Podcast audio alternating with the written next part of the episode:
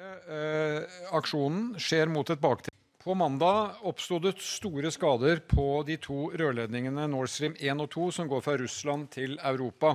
Informasjonen vi har fått i dag, styrker ytterligere antakelsen om at skadene skyldes en villet handling. Det er også slik eh, mine svenske og danske kolleger eh, uttrykker seg om det vi nå vet. Dette har skapt en svært alvorlig situasjon. Eh, selvfølgelig umiddelbart fra en stor lekkasje i Østersjøen eh, til alt som er følger av eh, en slik hendelse. Den mulige aksjonen skjer mot et bakteppe av krig og energikrise i Europa. Jeg har i de siste døgnene hatt tett kontakt med mine nordiske kolleger, den tyske forbundskansleren, EU-kommisjonens president, Natos generalsekretær og andre allierte om hendelsen og reaksjonen på den. Eh, det er kommet uttalelse fra EUs side, og saken blir i dag også drøftet i Natos råd. Vårt budskap eh, til våre allierte er sammenfallende med det danske og svenske myndigheter sier. Vi anser situasjonen som alvorlig, og det ser altså ut som en villet handling. Så er Norge seg bevisst vår særskilte ansvar for å ivareta sikkerheten på norsk sokkel og som største, Europas største gassleverandør. Det er nå avgjørende at Europa og Nato står samlet. Vi må komme til bunns i hva som har hendt, og hvem som står bak. Men det kan ta noe tid. Eh, litt mer om selve hendelsen. Altså, dere sier nå alle at det er en villet handling. og Da er det jo logisk for alle oss å tenke at dette er russisk hybridkrig. Og hybridkrig må jo møtes med et svar. altså Det er jo nettopp det som er så vanskelig, at da må man jo motparten definere om det er et angrep eller ikke. Har, du sier at Nato-landene har snakket sammen i dag. Eh, har man f.eks. diskutert om man skal definere dette som en artikkel 5-hendelse? Eh, det har ikke vært en eh, diskusjon eh, i dag. og La meg understreke at eh, både Sverige, og Danmark og Norge bruker da de ordene om at det er sannsynligvis en villet handling. Eh, men for å bruke ytterligere begrep fra denne eh, bransjen, så har vi altså ikke attribuert, vi har ikke pekt på en aktør, for det er rett og slett ikke eh, mulig å gjøre. Så får folk gjøre seg sine tanker knyttet til det som er den sikkerhetspolitiske situasjonen, det som er interessene, det som er erklært politikk på det området. Mye av dette handler jo om infrastruktur som faktisk er russisk, eller eiet av russiske interesser. Eh, men uh, igjen, uh, man kan gjøre seg sine tanker om, om, om, sannsynlighet her. Men det er klart at vi som statsministre i Norge, Sverige og Danmark ikke kan gi noe klart uttrykk for det nå. Kan du si noe om kons hva konsekvensene ville være hvis det kom en tilsvarende hendelse på en norsk gassrørledning? Det kan jo være greit for russiske myndigheter å vite hvordan du og Europa ville se på det? Det ønsker jeg ikke å Eh, spekulere i. Eh, I utgangspunktet så vil jeg bare slå fast at det vil være et eh, veldig grovt anslag som vi måtte ta på aller største alvor. Vi følger med på det og vil selvfølgelig reagere konsekvent om noe sånt skulle skje, som Norge, men også anse at det er et felles anliggende med våre allierte. Ja, Velkommen til eh, en ekstrasending for Dagsorden på i dag søndag 12. februar. Jeg har med meg Alf Eir i Spania. Og Hei. du har brukt uken på å på telefon og snakke med mange av de du kjenner som jobber i bransjen, som Støre sa. Eh, dette klippet har ikke jeg sett igjen på nokså lang tid, og det slår meg ut fra det vi vet, at Støre til å begynne med ser nærmest litt irritert ut. Altså, Det han sier om at uh, det var en villet handling, og så kommer Aslak Bonde og sier det er logisk at det var russerne.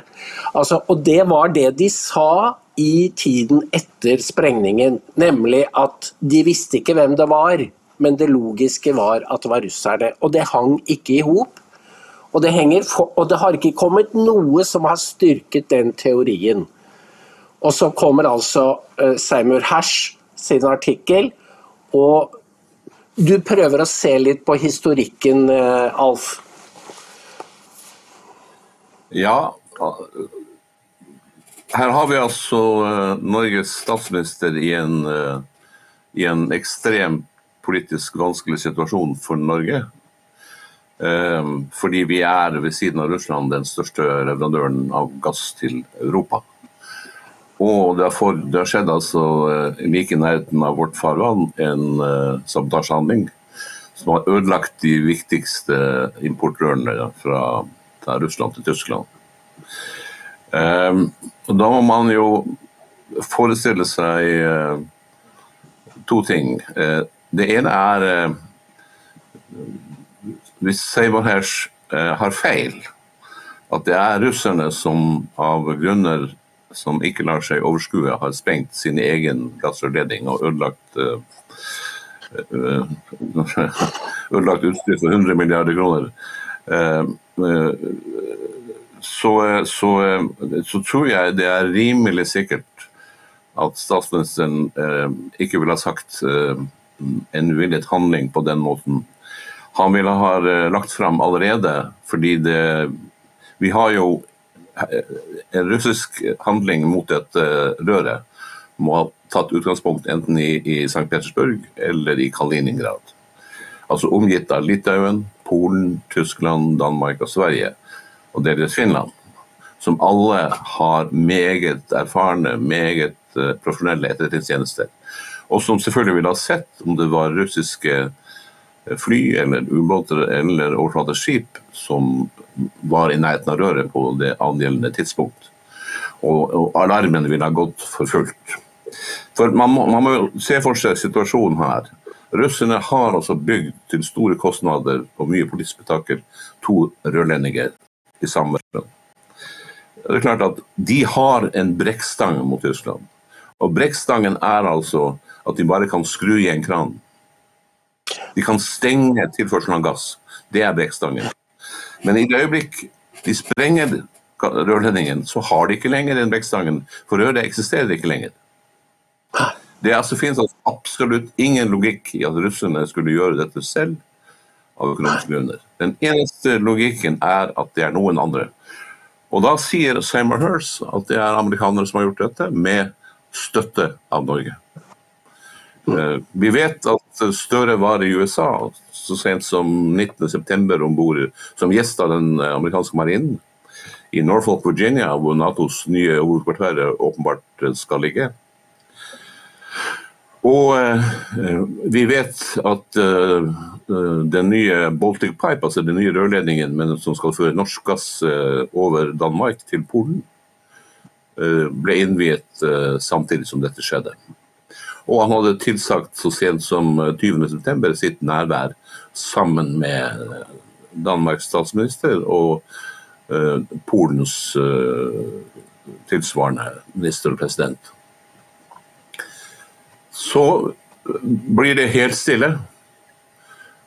Støre reiser istedenfor ikke til Polen, sender oljeminister Aasland isteden men foretar en rundreise på Østlandet før han dukker opp og gir denne pressekonferansen og snakker om en villet handling. Jeg, forst, jeg, jeg, må si, for meg fremstår dette, jo mer jeg ser på dette, som underligere og underligere. Og det får meg til å tenke på eh, de tidligere episodene av lignende art som vi har. Og vi har jo, vi har jo to fra Norden som det er verdt å minnes hvis man skal bedømme hvordan politikere og andre opptrer i denne typen situasjoner. Jeg sier ikke at Støre gjør det, for jeg kan ikke bevise det. Men det kan være grunn til å se på parallellene når man skal diskutere hva som her har foregått. Så hvis du kan vise det første bildet, Dan, så ser vi jo spionflyet U2 som var amerikanernes aller hemmeligste våpen i den kalde krigen med Sovjetunionen. Eh, et fantastisk fly som kunne holde seg i luften i stor høyde og ta ekstremt gode fotografier av eh, Sovjetunionens landområder, som ellers var eh, terra incognito, altså ukjent land for oss. Den 1. mai 1960 som jo er en stor dag i kommunismens eh, hjemland, ble ble flyet sendt fra Peshawar i Pakistan og tvers over Sovjetunionen. Og til, eh, til selvfølgelig statsmaktenes enorme irritasjon, Og de satte alt inn på å skyte flyet, og klarte det over Sverdlovsk ved hjelp av et uh, missil. Um, uh, og uh, de som ventet på flyet i Bodø, som var en, en CIAs mobile fortropp med lastefly og tankfly og, og reservemannskaper, og sjefen, som heter oberst Stanley Berlie, satt på et hotellrom i Oslo, de rømte i høy og hast fra Norge. Eh, da amerikanerne hadde fått tenkt seg om, hvis vi kan vise neste plakat, så kommer det første budskapet fra Washington den 3. mai. Hvor NASA, de som vanligvis drev måneraketter, sier at de har hatt et værobservasjonsfly som har vært savnet siden 1. mai eh, fra en base i Tyrkia. Tre dager senere sier Nikita Khrusjtsjov, som jo var eh, Sovjetunionens sterke mann, at et amerikansk fly har krenka sovjetisk luftrom og blitt skutt ned den 1. mai. USAs utenriksdepartement involverer seg ytterligere i, i, nye løgner, henviser til den første meldingen om et savna ubevæpna værfly, og forlanger en full tilgang til den sovjetiske etterforskninga. Ta neste plakat. Dagen etter er det selvfølgelig at Khrusjtsjov, som den uh, utspekulerte luringen er, drar teppet til side og forteller at han har lurt alle fordi piloten hadde overlevd og tilstått alt om spionflyet. Både hvor det kom fra, hvem det tilhørte, hva oppdraget var og hvor det skulle. Og 9. blad med Norges ambassadør Gundersen uh, offentlig ydmyka på en tilstelning uh, i Moskva der Khrusjtsjov trua med å utslette Bodø. Og på sin, vanlige, på sin vanlige måte så sa han at han hadde bomber som hadde så stor sprengkraft at det én var nok til å knuse alle vindusruter i Norge. Ikke desto mindre var dette meget, meget dramatisk for alle parter. Så hva skjedde? Her hadde altså eh, Amerikas utenriksdepartement eh, løyet eh, og blitt avslørt til løgn fordi russerne satt med beviset, men, men, holdt bevisene skjult, til amerikanerne hadde involvert seg i så mange løgner at de tapte enorm internasjonal prestisje. Hadde vi jo i, har vi hatt siden en, en debatt om følgende. Er det, mulig, er det mulig at CIA kunne gjennomføre en slik operasjon i Norge med folk i Oslo og folk i Bodø. Med et sånt fly, et spionfly som hadde meget karakteristisk utseende, med transportfly, med tankbiler, og mannskaper og amerikanere rundt omkring i Bodø sentrum, uten at noen visste om det og hadde godkjent det på forhånd. Regjeringen var taus eller benekta alt. Og eh, Gerhardsen, som jo var statsminister den gangen, eh, som muligens ikke visste noe fordi amerikanerne ikke stolte på han, eh, lot være å gjennomføre en etterforskning. Det ble ingen gransking av denne saken fordi man ville ha politisk ro. Man ville ikke ha spetakkel, og ikke, man vil ikke ha noen eh, rettslig oppvask etter saken. Som jo var eh, en kjempestor skandale internasjonalt. Det Gerhardsen sa imidlertid, som vi vet etterpå, er at USA betrakter Norge som en vasallstat, altså med vasallregjering. Og det gjaldt bruk av norske flyplasser for spiontokt mot sovjetisk område. Så det eh, Siden eh, har jo vi som har, som har det som jobb å etterprøve hva statsmaktene sier.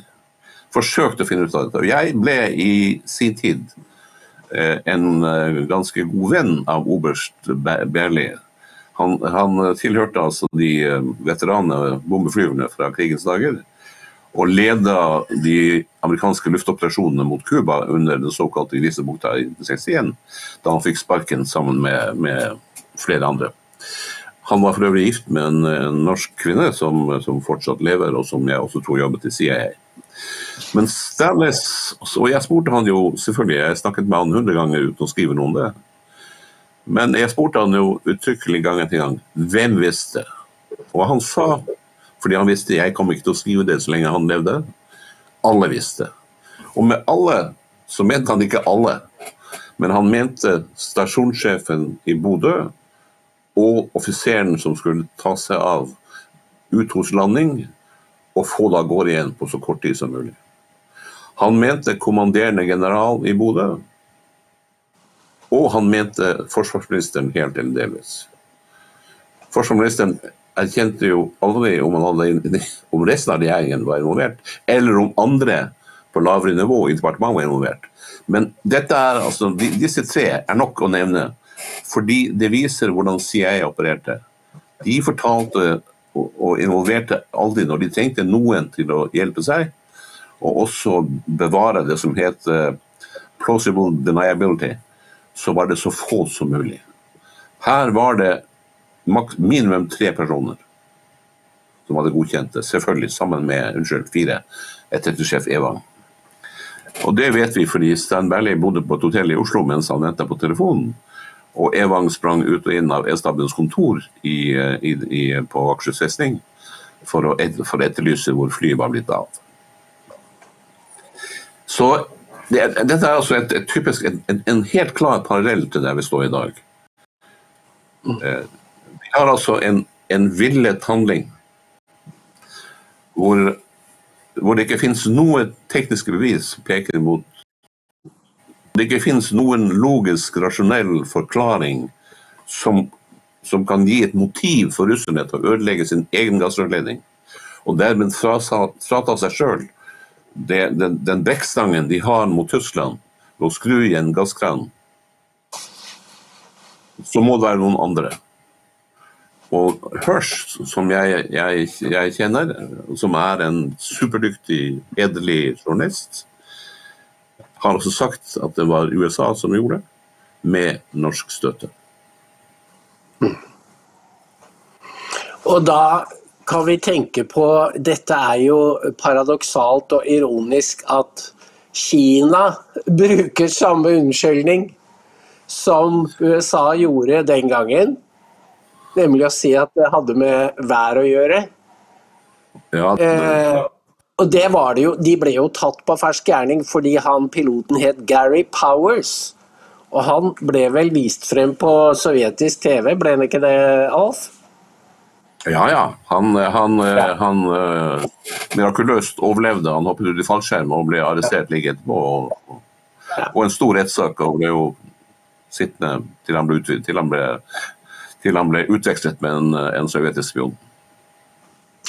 Men hva tror du hvis Einar ikke visste hvordan eh, Han må jo ha blitt fly forbanna over at Norges uh, gode naboforhold var kompromittert uten at han var informert? Eller var dette noe de fant seg i? Altså, her, her, må man jo tenke hva Einar Gerhardsen Hvilken stilling han hadde eh, i eh, Dette er jo litt av mysteriet Gerhardsen, må man jo si. Men eh, Lo Beck, som var eh, CIAs stasjonssjef i Oslo, som var gammel eh, politimann, Eh, han og hans menn var selvfølgelig fullt orientert om fru Verna Gerhardsens eskapader og hennes nære forhold, som åpenbart var i hvert fall en forelskelse i kanskje to sovjetiske offiserer, KGB-offiserer. og Den type eventyr var jo velkjent og er beskrevet i ikke bare meg, men mange andre. og det er helt klart at at det var nok for amerikanerne til at de aldri ville fortelle Einar Gerhardsen om sitt viktigste våpen mot Russland. Samtidig hadde, var jo Andreas Andersen, som var, eh, som var uh, statsministerens uh, sikkerhetsdepartementsråd, og stelte med sikkerheten og, en, en, og, satt i alle viktige norske komiteer, av politiet mistenkt for å lekke opplysninger. Eh, og samtidig så var Gunnar Bø, hans ene statsråd, Herman ble rekruttert og gi bort eh, norske stats militære hemmeligheter for store beløp den gangen. Så Lobekk og de andre som drev på litt lavere nivå i CIA, stolte selvfølgelig akkurat på norske regjeringer like langt som du kunne, kunne slå en golfball. Så de var uhyre forsiktige med hvem de informerte, og hva de sa. Wilhelm Evang, etterretningssjefen, visste og forsto åpenbart. For det første så var han intellektuell, og for det andre så hadde han i bare to-tre år tidligere uh, vært gjest av CIA i Wiesbaden i Tyskland, og der blitt vist rundt på flyet. Uh, og forklart hva det gjorde. Og det samme Forsvarsministeren hadde jo gjort det samme da det var i Bodø første gang i 1958. Så hadde han besøkt Bodø og sett flyet. Så kan man jo spørre seg er det da tenkelig at to så oppegående menn ikke forsto hva det flyet drev på med. Det er selvfølgelig ikke. Og hvor mye forsto regjeringen og hvor mye forsto Einar Gerhardsen, det vet jeg ikke. Men, eh, men, eh, jeg tror nok at eh, Erlend Døles og de andre, for dem så var det viktig å holde saken blant så få som mulig hvis noe gikk galt, og slik at de kunne fortsette virksomheten flyet drev. Men Alf, jeg får det inntrykk at USA, fordi det har alltid hatt et rykte for å være den største som tar Altså fyller mye, da. Og hvis de må gjøre noe, så gjør de det. Men mitt inntrykk er at USA i dag er annerledes enn det var på 60-70-tallet. Er du enig i det? Ja, det, At det er annerledes, er jo, er jo, det er jo helt åpenbart. Men jeg tror at prinsippet, prinsippene i etterretning når vi, Etterretningstjenesten har jo forandret seg. Og, og, og, blir nå utnyttet, og lar seg bli utnyttet politisk på en helt annen måte kanskje enn på de 60 mm. men, men, men prinsippet for utenlandsetterretning tror jeg er det samme. Og det de som stormakt vil se etter, er jo eh, alltid å ha en bakdør åpen. De må altså finne en, en, en velvillig For det, dette er jo en komplisert operasjon under vann i, i, i, i et lukka hav som Østersjøen. Det er ikke bare å dra inn med en fartøy gjennom de danske stedene og gjøre dette. Du bør ha en, en lokal, et lokal lite land som har interesse og det er det du må spørre om. Hvem har interesse av å hjelpe amerikanerne i en sånn sak? Uh, og, og da, da, da, gjør de det. Og de um, uh, Det kan man jo diskutere opp og ned i lange baner, men det er, som er jo helt åpenbart, og helt sikkert sett fra USAs side, og sett fra resten av verdens side, er jo at med Nord Stream 1 og 2 ødelagt så er det nasjonen av de små som vinner mest, det er Norge. Vi har blitt enormt mer rike, selv om Støre og hans regjering forsøker å bruke pengene på all slags galskap. Eh, siden på gass eller gass, og også olje. Fordi det nye Sverdrup-feltet i Nordsjøen er jo det, et av de få oljefeltene som har den samme type olje som Russland produserte, Ural Blend, noe som ligner på den. Og derfor er etterspurt av alle raffinerier. Så vi er blitt søkkrike av denne, denne, denne, aksjonen, og dermed hadde et opplagt motiv. Så kan du si vi har da også behov for amerikansk støtte, og, og parallelt her gikk jo forhandlingene om en ny forsvarsavtale med USA. Mm. Som man kan ikke se bort fra at det også hadde en innflytelse over saken. Mm. Vi kan jo se på det, det andre tilfellet som vi har tatt frem i dag. Hvis du har eh, Eh, filmen med, med Palme. Da. Regjeringen har overlevnet en protestnot til den sovjetiske regjeringen. I noten framför den svenska regjeringen sin skarpa protest mot de grova sovjetiska kränkningarna av Sveriges territoriella integritet. Detta är ett allvarligt brott mot folkrätten.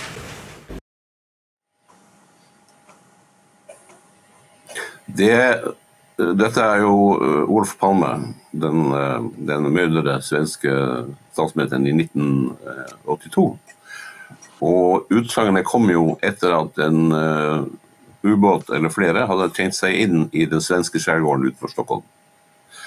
En episode som gikk over lang tid, uh, hvor miner ble utløst, og en ubåt sannsynligvis skadet. Og Sverige slo fast på at dette var en sovjetisk provokasjon. Eh, Det er jo forskere som da eh, aldri har kjøpt denne hypotesen, og, ikke minst professor Ola Tunander, som, eh, som har brukt ti år på et arbeid av Pulitzer-klasse for å vise at aksjonen ble gjennomført av USA med støtte fra europeiske stater for å teste Sveriges beredskap og kanskje drive Sverige i armene på Nato. Og få Sverige bort fra den nøytrale linjen i forhold til, til Sovjetunionen. Men de klarte altså å fremstille dette som om det var en sovjetisk aksjon, selv om, selv om eh, de som etter hvert så på puslebitene, puslespillet, det gjelder jo etterretningsdata, det gjelder eh, dokumenter, det gjelder utsagn fra øyenvitner, folk som var med på det. Alle de bitene du samler over lang, lang tid, som til slutt gir et svar som, er, eh, som, du, som det ikke går an å komme bort fra. Og det viser altså at dette var en amerikansk initiert aksjon, og ikke hadde noe med Sovjetunionen å gjøre. Det er det andre. Dette var i 1982. Og Dette er også en klar parallell til røret. Det ironiske er selvfølgelig at, eh, at, eh, at Sverige, som jo har brukt altså eh, 40 år på ikke å finne ut noe om eh, denne affæren i Horsfjern, altså i Stockholm, nå er satt til å etterforske det som skjedde utenfor Bornholm. Det er vel som å sette reven til å etterforske hvem som tok livet av hønene. hva? Men eh, den gangen drev jo russerne med ubåter inne i norske fjorder, og det var jo ikke så rart at man så russere. Eh, de hadde jo eh, Det var jo ikke bare amerikanerne som gjorde eh, ting, og det var jo det var jo ikke så grovt det spillet som dette de har gjort i, i Østersjøen nå. For dette er jo en gamble som kan utløse en verdenskrig. Og Norge har altså også gamblet for de som Aslak Bonde spurte om, hva hvis russerne svarer med et angrep, eller hva hvis de svarer med et angrep på eh, norske installasjoner? Hva gjør Norge da? Ja, jeg bare for ta ubåten først. Det er helt klart at alle, alle nasjoner og, og russerne har drevet på med ubåter. Men eh, det som er parallellen her, er selvfølgelig hvordan statsapparatet reagerer uh, på en sånn hendelse som vekker voldsom oppsikt i opinionen. Og de tar altså ikke fem øre for å lyve og fortelle falske historier. Det er det som er parallellen i alvorlighetsgrad. Eh, og det er klart at hvis, eh, hvis, Sverige, hvis Sveriges forhold til Nato hadde blitt forandret til Russland, så kunne det jo selvfølgelig vært ett ledd som hadde ledet oss nærmere en krig. Hvem vet. Um, men det, når det gjelder det som har skjedd i Nordsjøen, så er det klart at det er, det er en, en Hvis Søybar Hash har rett, som foreløpig det meste tyder på, så er det jo en lek med ilden som er livsfarlig. For det kan, det kan altså føre til reaksjoner fra, fra, fra Russland. Eh, hvilken art vet vi jo ikke, men nok til eh, at, verden, at krigen i Ukraina eskalerer ytterligere mot det vi alle frykter, nemlig den tredje verdenskrig.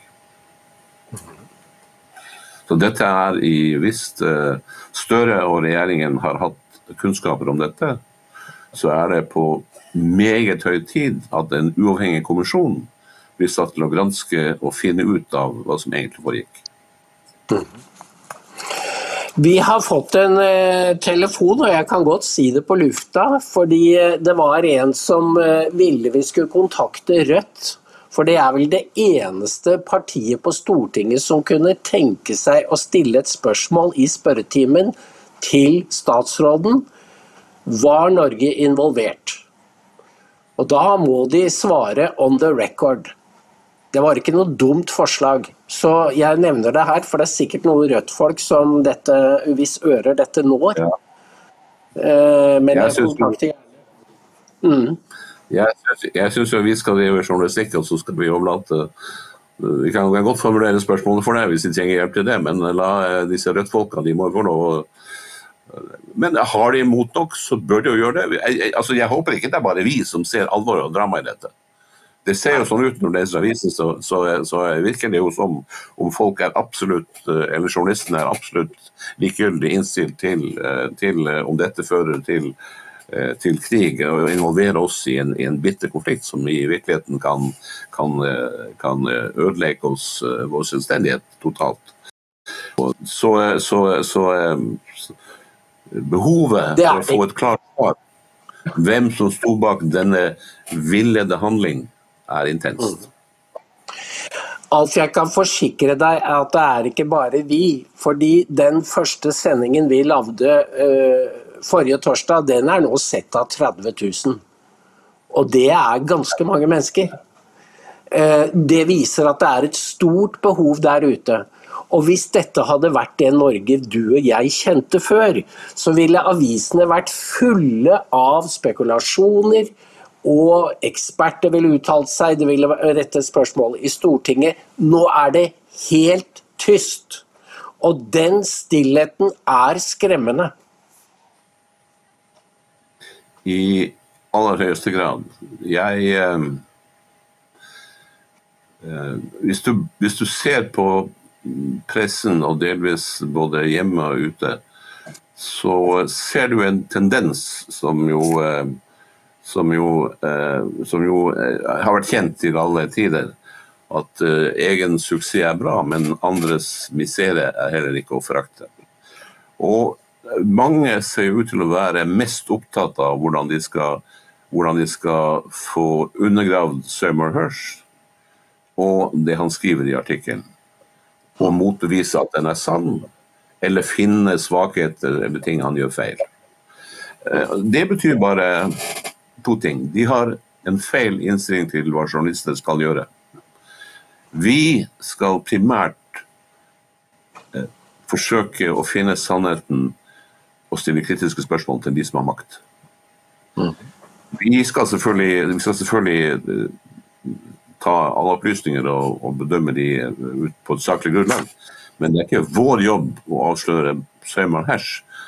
Vår jobb er å avsløre om den norske regjering og eventuelt har vært med på, eventuelt ikke har vært med på, men om noen andre under eller i Norge har deltatt i denne aksjonen.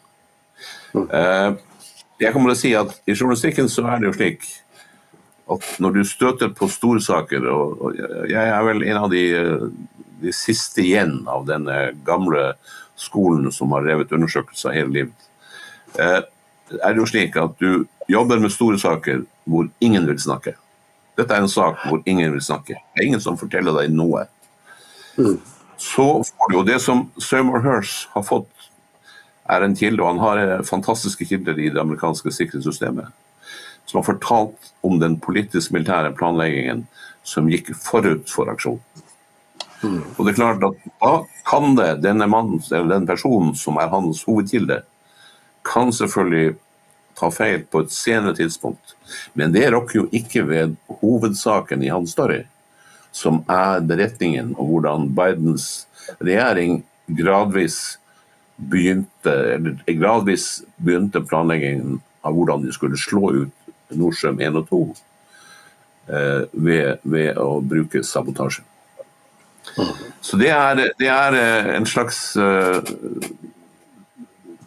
En slags eh, Jeg vil ikke kalle det for en, en slags et virus som herjer journalister, at man skal gå etter de som sine egne kolleger. Men, men eh, jeg syns det er blitt mye mer fremhevende, fremhevende i, altså i de senere år. Så, fordi så mange er med på å kjøre eller stille seg på maktens side. Og da, da har man en feil innstilling til yrket. Vi reduserer folket. Vi er journalistikkens vesen. Vi skal drive kritikk og ikke noe annet. Eh, Alf, jeg har en, eh, en, en teori om uh, utviklingen i Norge. Fordi en av de historiene som gjør veldig inntrykk i boken din, 'Stalins svøpe', er jo denne Andreas Andersen. Som altså jobbet ved statsministerens kontor. Og man mistenkte altså han for å være en KGB-kontakt. Og man arrangerte en øvelse i nord, var det ikke sånn, for å se om den ble kompromittert. Altså, dette var noe av hjertet i det norske statsapparatet som man mistenkte var kompromittert overfor KGB. Og så trekker jeg linjen til at Arne Treholt døde i dag. Og han representerer jo denne eh, sovjetofile stemningen, retningen på venstresiden i norsk politikk, som går dypt og har en lang historie. Nå er den borte, men noe av den samme eh, orienteringen mot Moskva har svingt over i opportunisme overfor det nye USA. Jeg syns jeg ser noe av det samme, at man er villig til å være med på ting som kompromitterer norske, skader norske interesser. Fordi eh, Før ville jo venstresiden protestert overfor eh, hvis man var altfor eh, underdanig overfor USA, men nå denne baseavtalen du var inne på, som Enoksen undertegnet, og som Søreide syns også hyller, de vil jo ikke snakke om dette med ekstraterritorialitet. Altså at amerikanerne rett og slett kan gjøre som de vil på norsk jord. Dette er jo et brudd på tradisjonsrik norsk basepolitikk.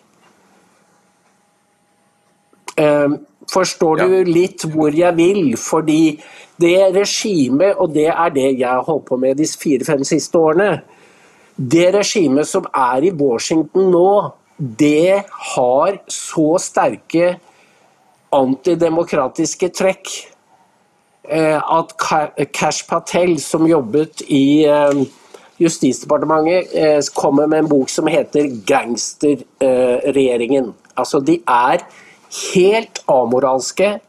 De bryr seg ikke om statsgjeld. De bryr seg ikke da de dro ut av Afghanistan. De bryr seg ikke da de plutselig switchet holdning overfor Nordstrøm 1 og 2, eller ferdigstillinger av 2. Det er eh, happy go lucky. Nå, altså, de hadde én krig, nå starter de en ny. Eller ikke starter, men altså de involverer seg i en ny. Og det er noe grenseløst over det som er det mest skremmende. Jeg hørte Kai Eide i dag i et opptak som var veldig bekymret for at man eskalerer. Og han sa nå har dere snakket et, snart et år om at russerne er så svake. Men nå er det plutselig snakk om nå, må man, eh, nå er de ikke det, nå er de så farlige, så nå må vi ha mye tyngre våpen. Vet de hva de gjør? Nei, du, jeg skjønner, jeg skjønner utmerket godt hva du mener. Det, det, det, det er jo klart at uh, i, i, i, normale gamle dager uh, så var det jo anti-amerikanismen, uh, anti-USA. var jo en av bærebjelkene i den politiske ja. radikalismen på venstresida. ikke sant? Ja. USA har det. Ja. Um, og Det ser du jo fortsatt slå ut på ulike vis. Men, eh, men det, hvis jeg skjønner det du tenker på, er jo eh, Det demokratiske partiet, eller hovedkvarteret i partiet i USA, er jo eh, en av drivkreftene bak hele denne globaliseringen. Mm. Med big tech og big pharma og alle de som på en måte leter etter et system som er en, en avart av det kommunistiske eh, totalitære diktatur, hvor vi mm. nå faktisk pga. teknologien har fått sjansen til å styre hele verden fra små komiteer i New York eller Washington, som jo er en helt uhyggelig tanke. Hvis eh, alle papiravisene forsvinner, så vil all nyhetsformidling skje elektronisk. Og Det betyr at en liten komité utpekt av noen du ikke vet hvem er, eh, ansiktsløse byråkrater, og, og såkalte eksperter kan altså styre hvordan, hva du får vite om nyheter. Og det, det, det er jo grunnen til at vi sitter her og, og snakker eh, annerledes om denne hendelsen her, som de nå gjør alt de kan for å bortforklare på best mulig måte. Hva eh, skal man, hva skal man, kalle, hva skal man kalle denne, for den er forskjellig.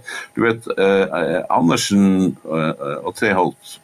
Andersen var jo kun mistenkt, men eh, da Gerhardsen gikk av og ble slakta med borgerlig regjering, så fant jo Otto Grieg Tidmann, som var ny forsvarssjef, ut at eh, man, den øverste embetsmannen som har med sikkerhet å gjøre i Norge, kan ikke være mistenkt for å være i en fremmedmaktstjeneste.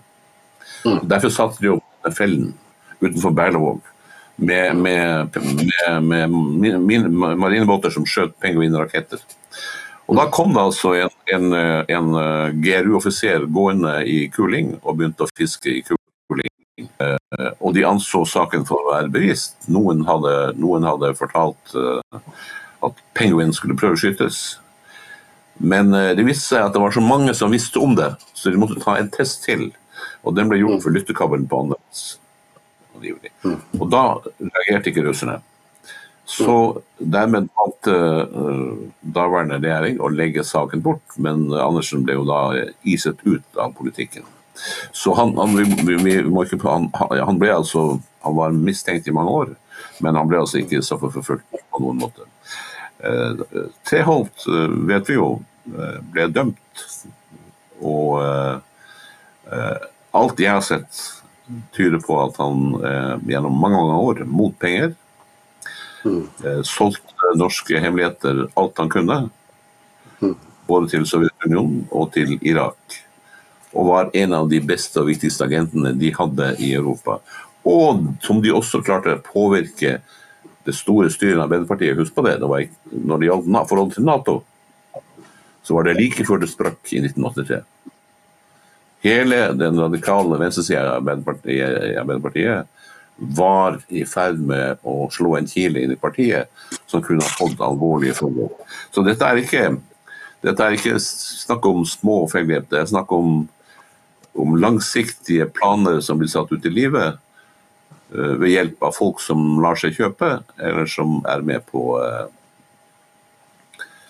uh, av, av ideologiske grunner.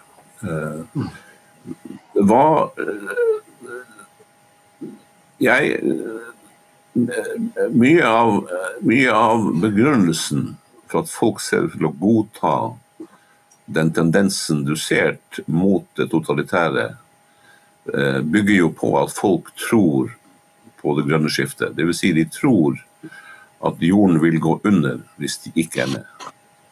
No, noen har altså funnet på den, den, den mest fantastiske den, mest, den vanskeligste historien å tilbakevise, og fått nesten hele verden med på det. Et kappløp for å unngå tilintetgjørelsen i løpet av ja, begynnelsen, altså i løpet av syv-åtte år. Dette har de også funnet på og konstruert slik at det er nesten umulig å tilbakevise den. Og, og med det som argument forvandler den nå, de gjennomfører en revolusjon ovenfra, som de sier er i demokratiets navn, men som selvfølgelig ikke er det. Den er altså i det nye teknologiske byråkratiets navn.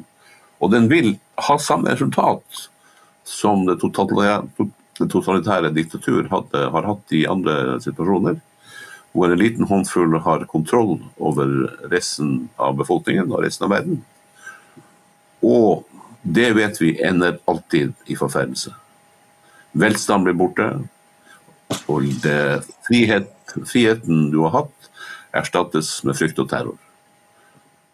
Det fins intet system som er verre enn det totalitære, uansett hvilken forkledning det kommer i.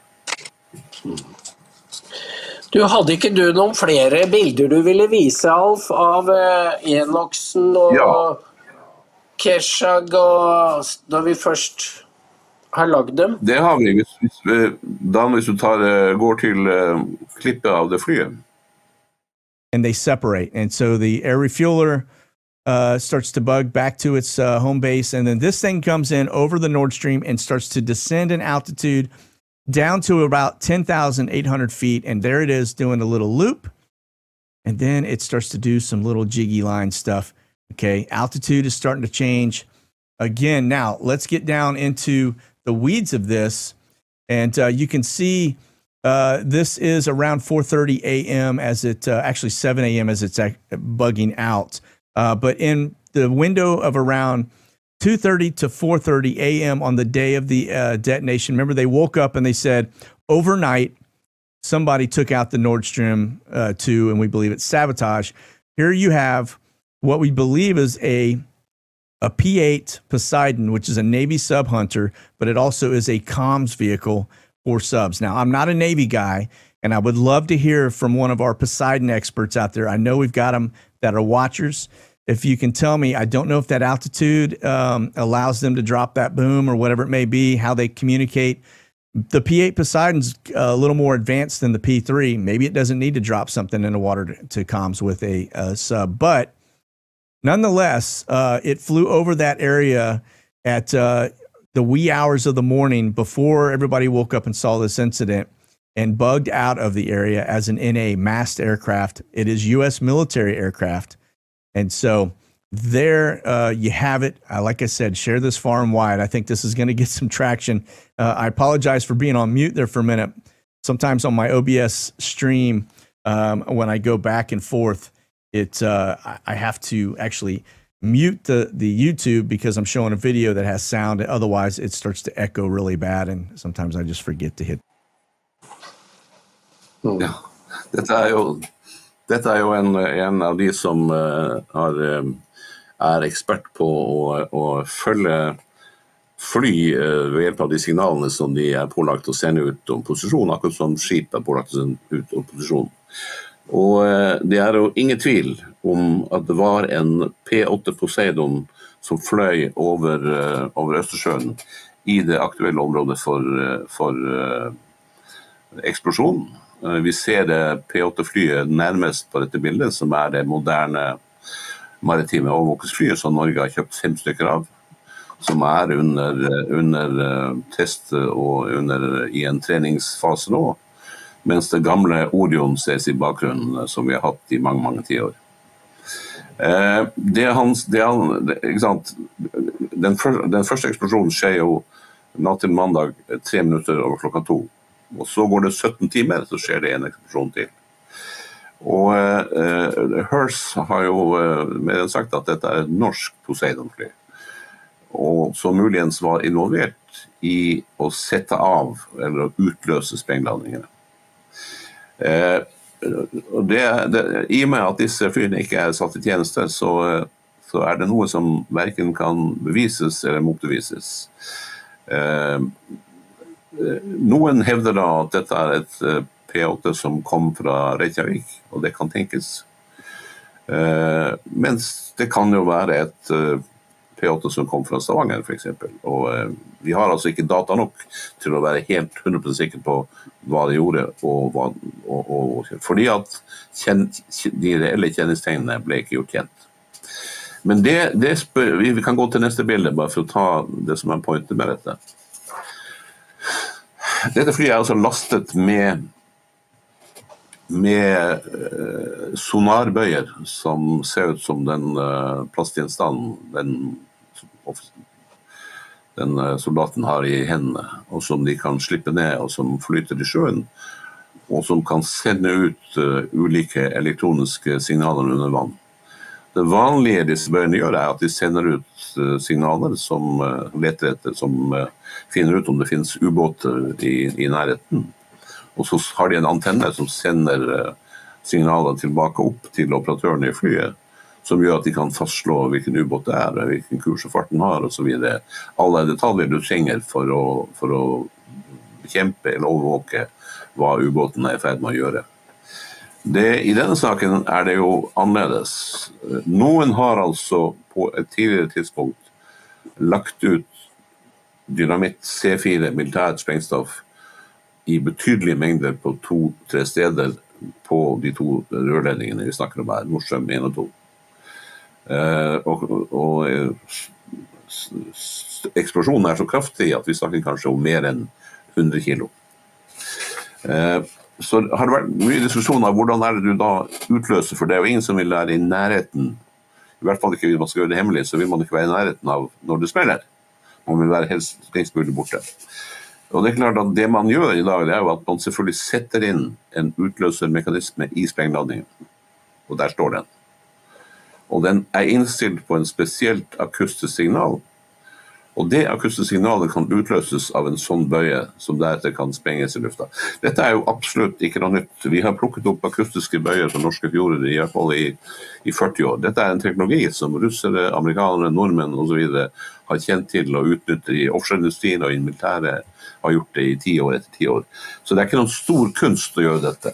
Diskusjonen er jo hvorvidt amerikanere denne gangen gikk til det eh, store skritt å bruke en P8 Poseidon, som i hvert fall blir registrert av alle, eller om det er en ren avledningsmanøver, eller om den er der for å se resultatet av spenningene.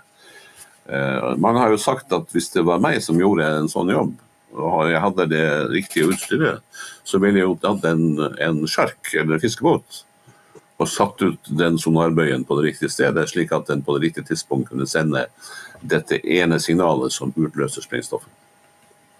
Men du har sagt at svenskene var så bekymret for de har en uh, strømledning ja, vi har det litt senere, ja. Vi har et nærmere bilde hvis vi tar, uh, tar en, en, annen ting som jo er, er påfallende i den diskusjonen om dette er norsk Orion, norsk Poseidon, på bilde syv, så ser vi jo fra, fra,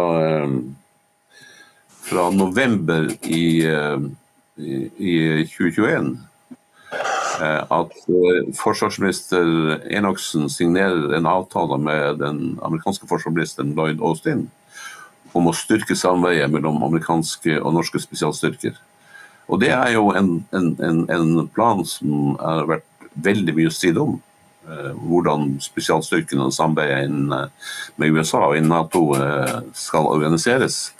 Eh, og dette forslaget som, som, Stortinget har vedtatt, er jo at det skal bygges en, lages en ny spesialkommando eh, under eh, våre marinejegere, med hovedkvarter på Ramsund orlogsstasjon eh, i Sør-Troms. Og Det er jo en av de fire basene hvor eh, amerikanere skal ha eh, suverenitet, delvis. Uh, hvis, du bruker, uh, hvis du bruker neste plakat, så ser du at denne supplementary, denne tilleggsavtalen om forsvarssamarbeid, som, som, ses på som en del av Barack Obamas europastrategi, skal gi amerikanerne et tydelig nærvær i allierte land i Europa. Du kan bare ta neste hvis du har det. Det blir enklere for USA å bygge og ha eksklusiv adgang til egne spesielle teiger inne på norske baser. De kan ta med eget utstyr, også våpen som Norge ikke nødvendigvis får innsyn i. De kan la egne militære og sivile reise uten problemer inn og ut av Norge.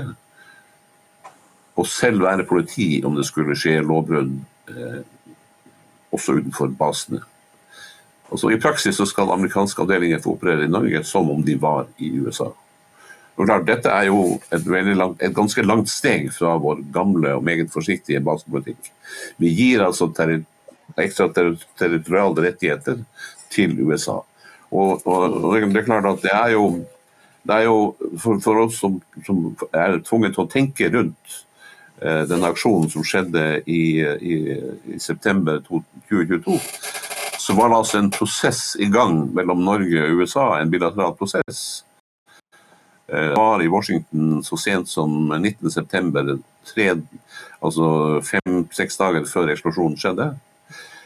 Og, og, og, og, hvis noen skal granske dette, så er det klart at en av tingene de må granske, er om fordi at Eh, diskusjonen om disse avtalene skjedde samtidig med den diskusjonen som Seymour Hersh skriver, og som går ut på å planlegge hvordan, hvordan Nord Stream skal tas ut.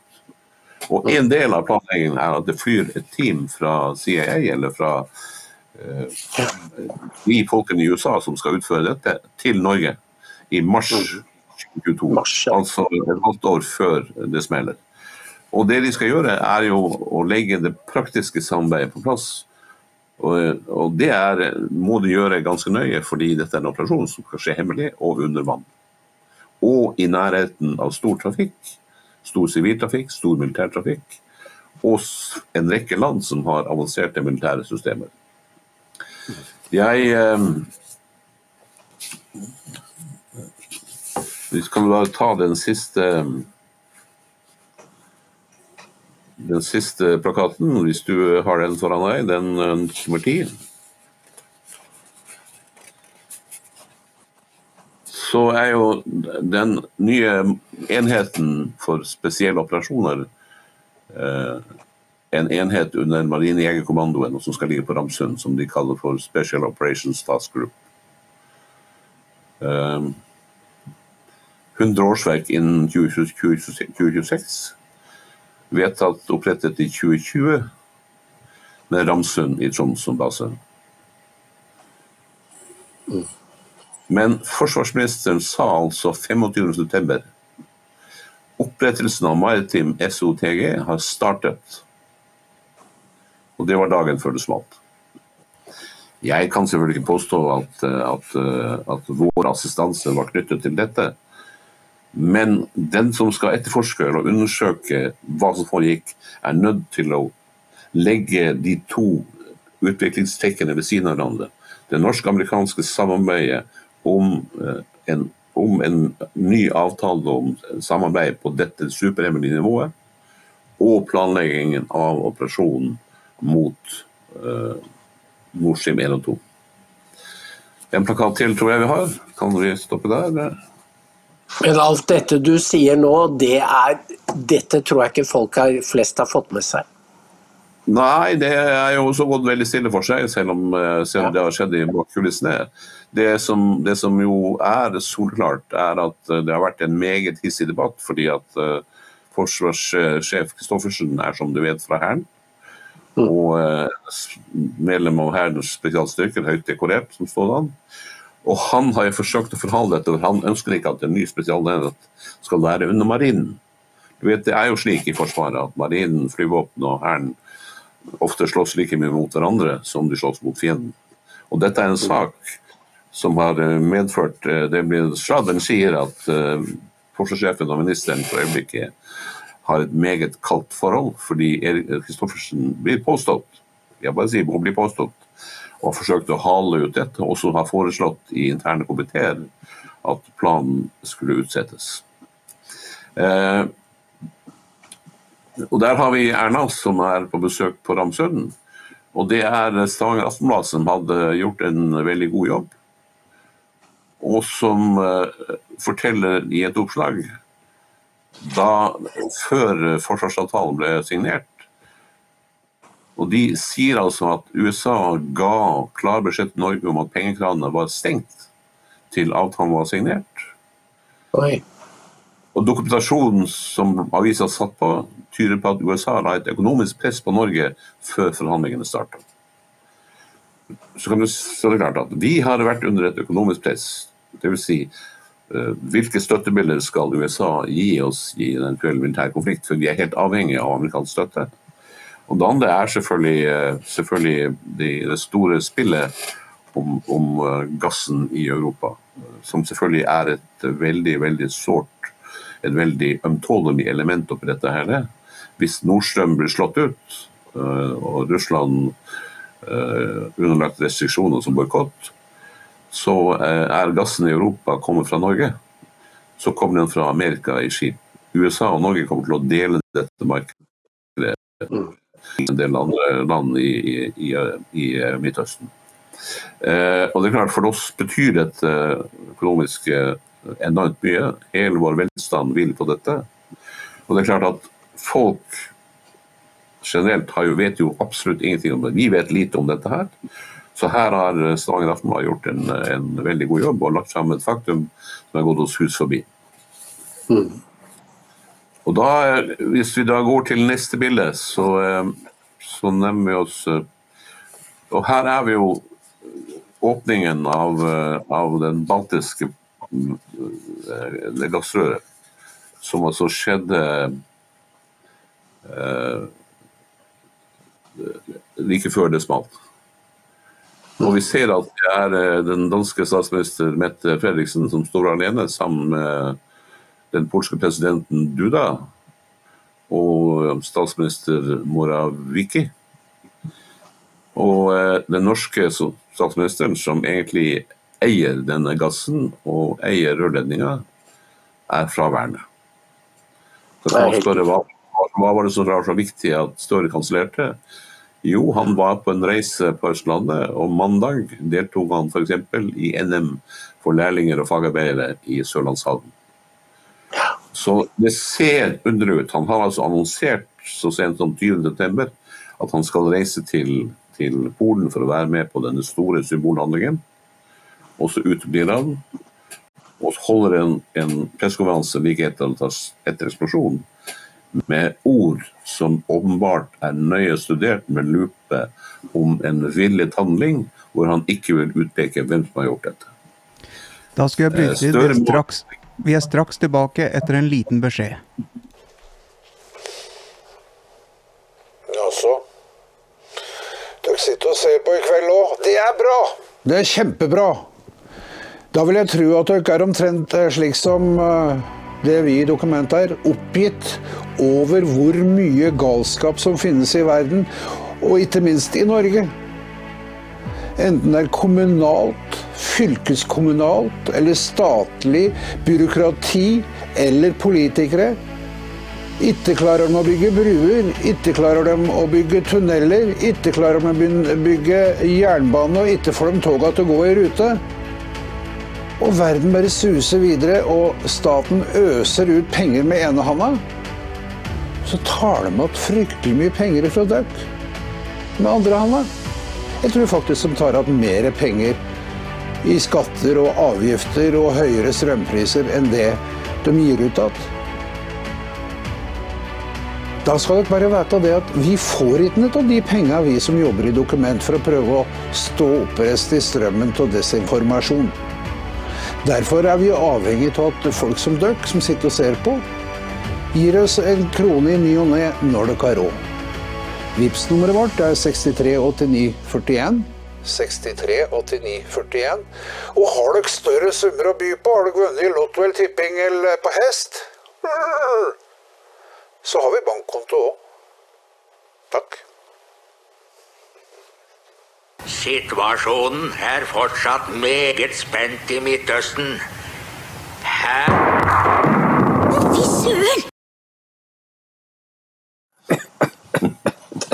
Morsom.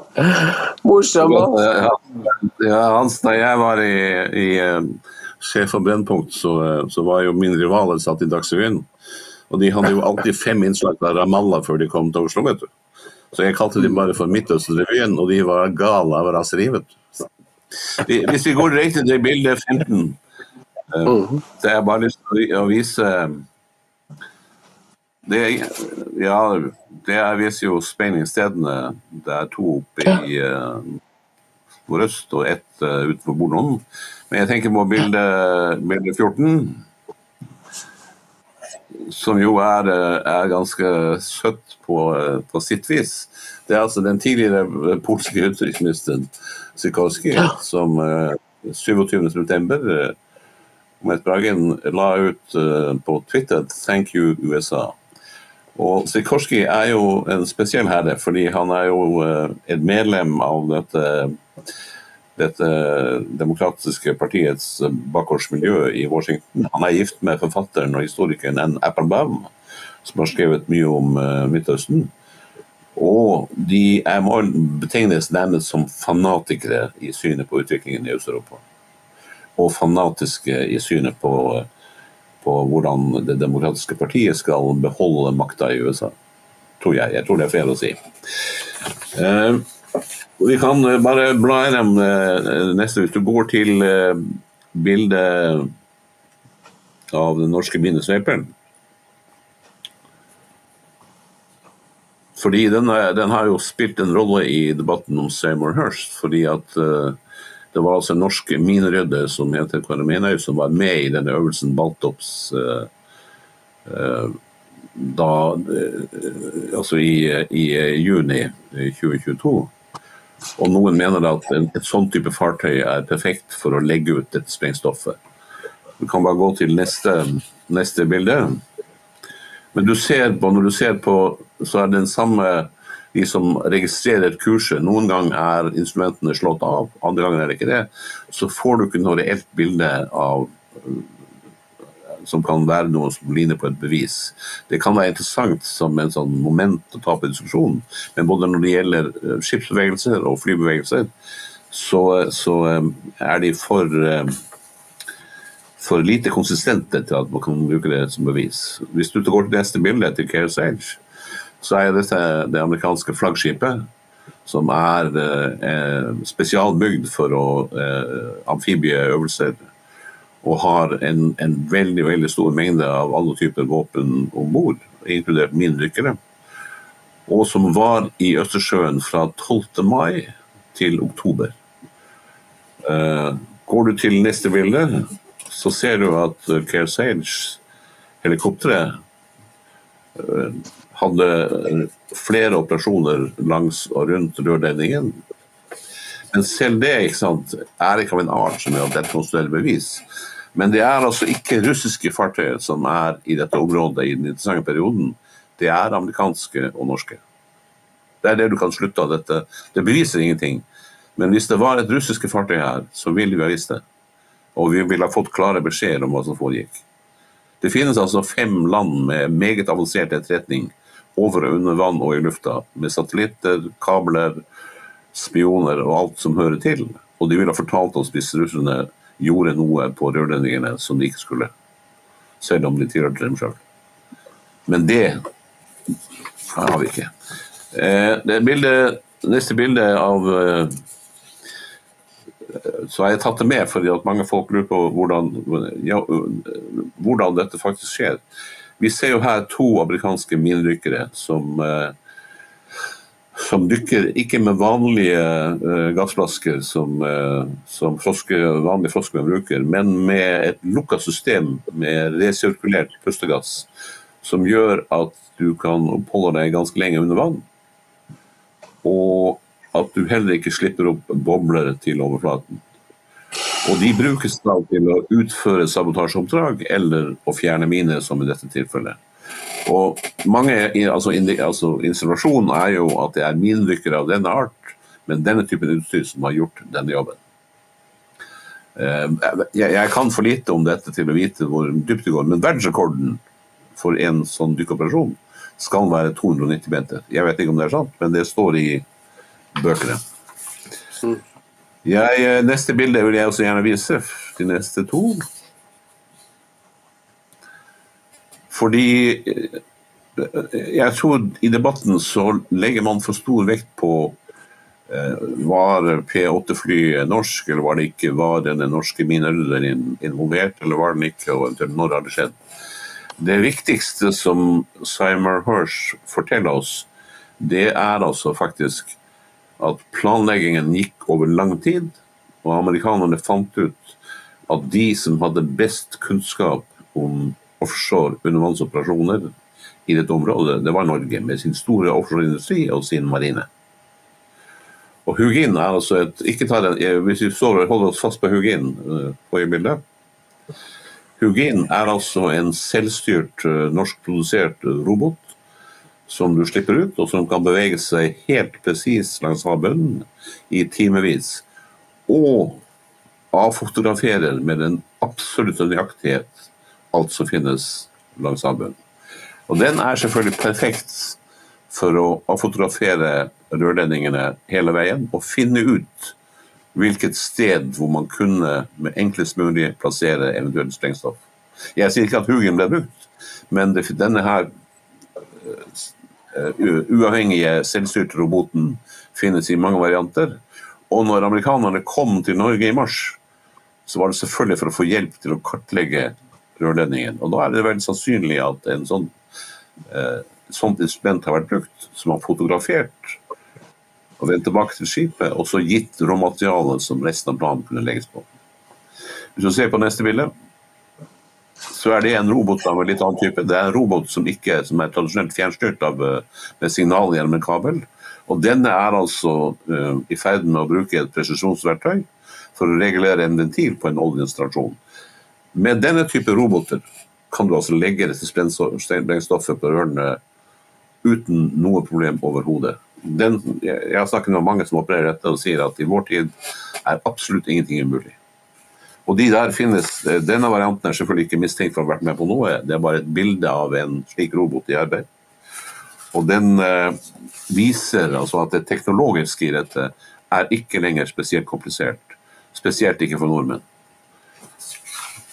Og vi kan godt ta det siste bildet hans før vi avslutter med fordi at det vendes tilbake til, til utgangspunktet.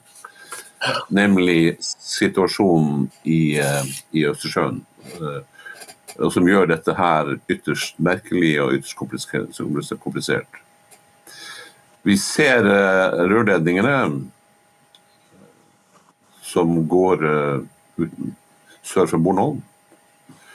Og de røde prikkene markerer sprengpunktene. Mens de sorte eh, representerer, og, røde heltrukne streker representerer svenske marinefartøyer. Det er meget påfallende at disse svenske marinefartøyene befant seg i dette området fredag og lørdag før eksplosjonen, altså to dager før eksplosjonen. De gikk ut plutselig, og de oppholdt seg lenge. Og, og, og AES, altså posisjonsvarsleren, ble slått av og på, slik at du kunne ikke følge alle bevegelser og alt de gjorde. Dette er laget av den svenske avisen Dagens Nyheter, som har gått gjennom og Det gjorde at svenskene to dager før sabotasjeaksjonen fant det nødvendig å eh, gjøre inspeksjoner åpenbart under vann. Eh, og jeg, Vi tror jo da, hvis du går til det siste avsluttende bildet, at det skyldes den elektriske kabelen som går fra Sternø i Sør-Sverige til Polen. Og Hvis du ser, det er de blå prikkene på bildet, så ser du at den strømkabelen går midt mellom de øverste, de tre øverste eksplosjonspunktene. Og kabelen ligger bare 500 meter unna. Så en hypotese er at svenskene fikk vite, fikk en advarsel like før helgen om hva som skulle skje. Vi vet jo ikke om det var Støre som følte det nødvendig, for han sier jo at han var i nær kontakt med sine svenske og danske kolleger. Hvis Seymour hører seg rett, at han fant det nødvendig av hensyn til vårt fremtidige gode forhold å advare Sverige. Og Sverige dermed øyeblikkelig sendte ut marinefartøyet for å undersøke om, eh, om, svenske kabler og annet utstyr lå langt nok unna, eller om de ville bli skadd i, i operasjonen. Det, det, er så langt vi kan legge frem eh, faktiske beviser. Hadde vi hatt bilde av en sovjetisk undervannsbåt en sovjetisk sprengladning, en sovjetisk overflateskip, et sovjetisk fly, så hadde vi vært de første til å legge det fram. Men vi har ikke det. Det er realiteten. Og så langt, så lenge våre myndigheter velger å holde kjeft, så lenge svenskene har etterforska dette siden september, og nå brukte altså fem måneder og ikke lagt fram ett ord om dette, så forteller det meg veldig mye. De har funnet noe som de ikke ønsker å offentliggjøre. For hadde det vært Russland, som de nå driver som nå er utsatt for en, selvfølgelig en hatkampanje, en, en, en krigspropaganda uten like fra alle kanter, med rette eller urette. Hadde de visst at dette var Russland, hadde de tekniske bevisene pekt mot Russland, så hadde de offentliggjort det for lenge siden. Ja.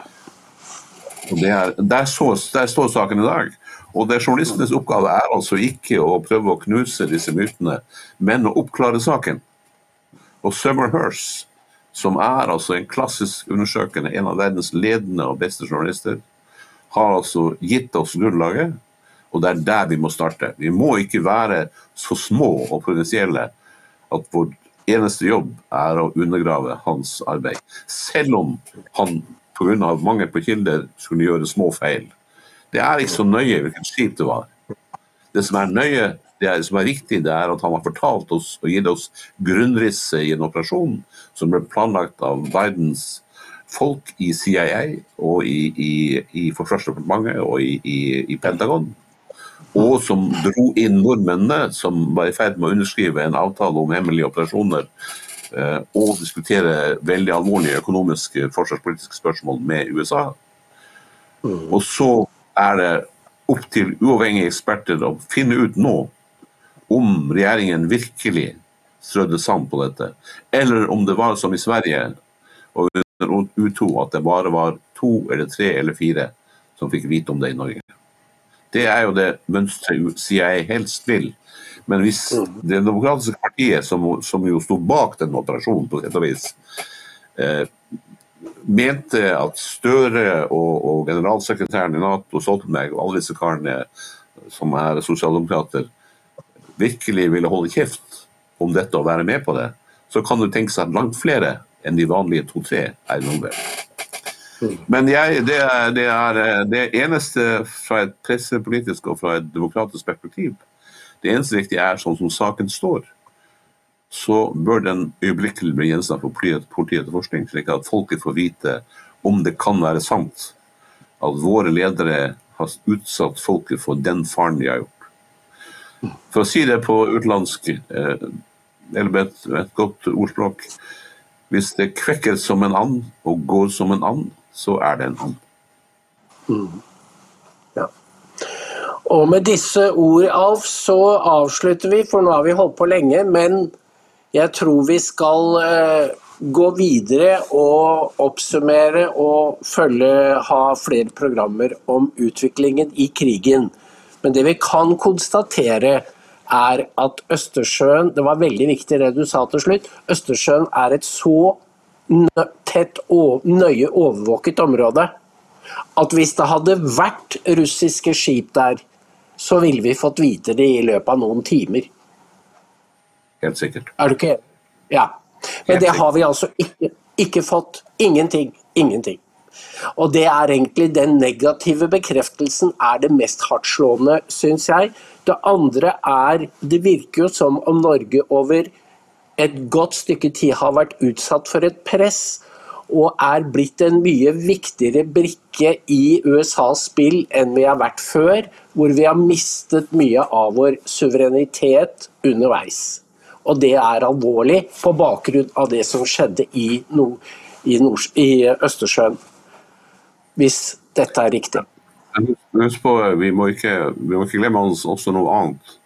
At uh, stormaktspolitikerne er også store kynikere. Så det er ikke bare det at de anser at vi er viktige og kan brukes til deres formål som først og fremst tjener deres interesser.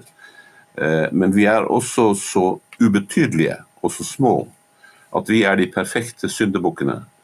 Det er jo ikke det minste underlig at noen eh, i, i Washington kaller Stoltenberg for en empty suit, altså en tom dress. Det er jo fordi at de sånne karer som Støre og Stoltenberg og denne politikergenerasjonen du har fått i Norge, har jo sikkert et enormt selvbilde. Men når de kommer til land som USA eller Kina, så er de likevel bitte små. Og det at USA har valgt oss, kan også ha sammenheng med at vi skal bli Det kan også gjelde i, krigen i Ukraina. Hvis, hvis eh, den russiske offensiven eh, går som mange frykter, og at ukrainerne drives tilbake, så kommer USA og EU til å trenge en syndebukk. Og det har de selvfølgelig i en norsk generalsekretær. Da setter vi strek, Alf, og så takker jeg deg for eh, mye å tygge på en søndag kveld. Og dette var eh, alvorlig, en alvorsstund med Alf. Takk skal du ha. If Russia invades, uh, that means tanks or troops crossing the, uh, the, the border of Ukraine uh, again. Then uh, there will be uh, we there will be no longer a Nord Stream two. We we will bring an end to it. What do, what, how will you, how will you do that exactly? Since the project and control of the project is within Germany's control. We will. Uh, I promise you, we'll be able to do it. Possibly this is a good idea to say to our American friends we will be united, we will act together, and we will take all the necessary steps, and all the necessary steps will be done by all of us together. Today, will you commit today to turning off and pulling the plug on Nord Stream 2? You didn't mention it, you haven't mentioned it. As I already said, we are acting together. We are absolutely united, and we will not taking different steps. We will do the same steps, and they will be very, very hard to Russia, and they should understand. Den größten Teil leistet aber einen sehr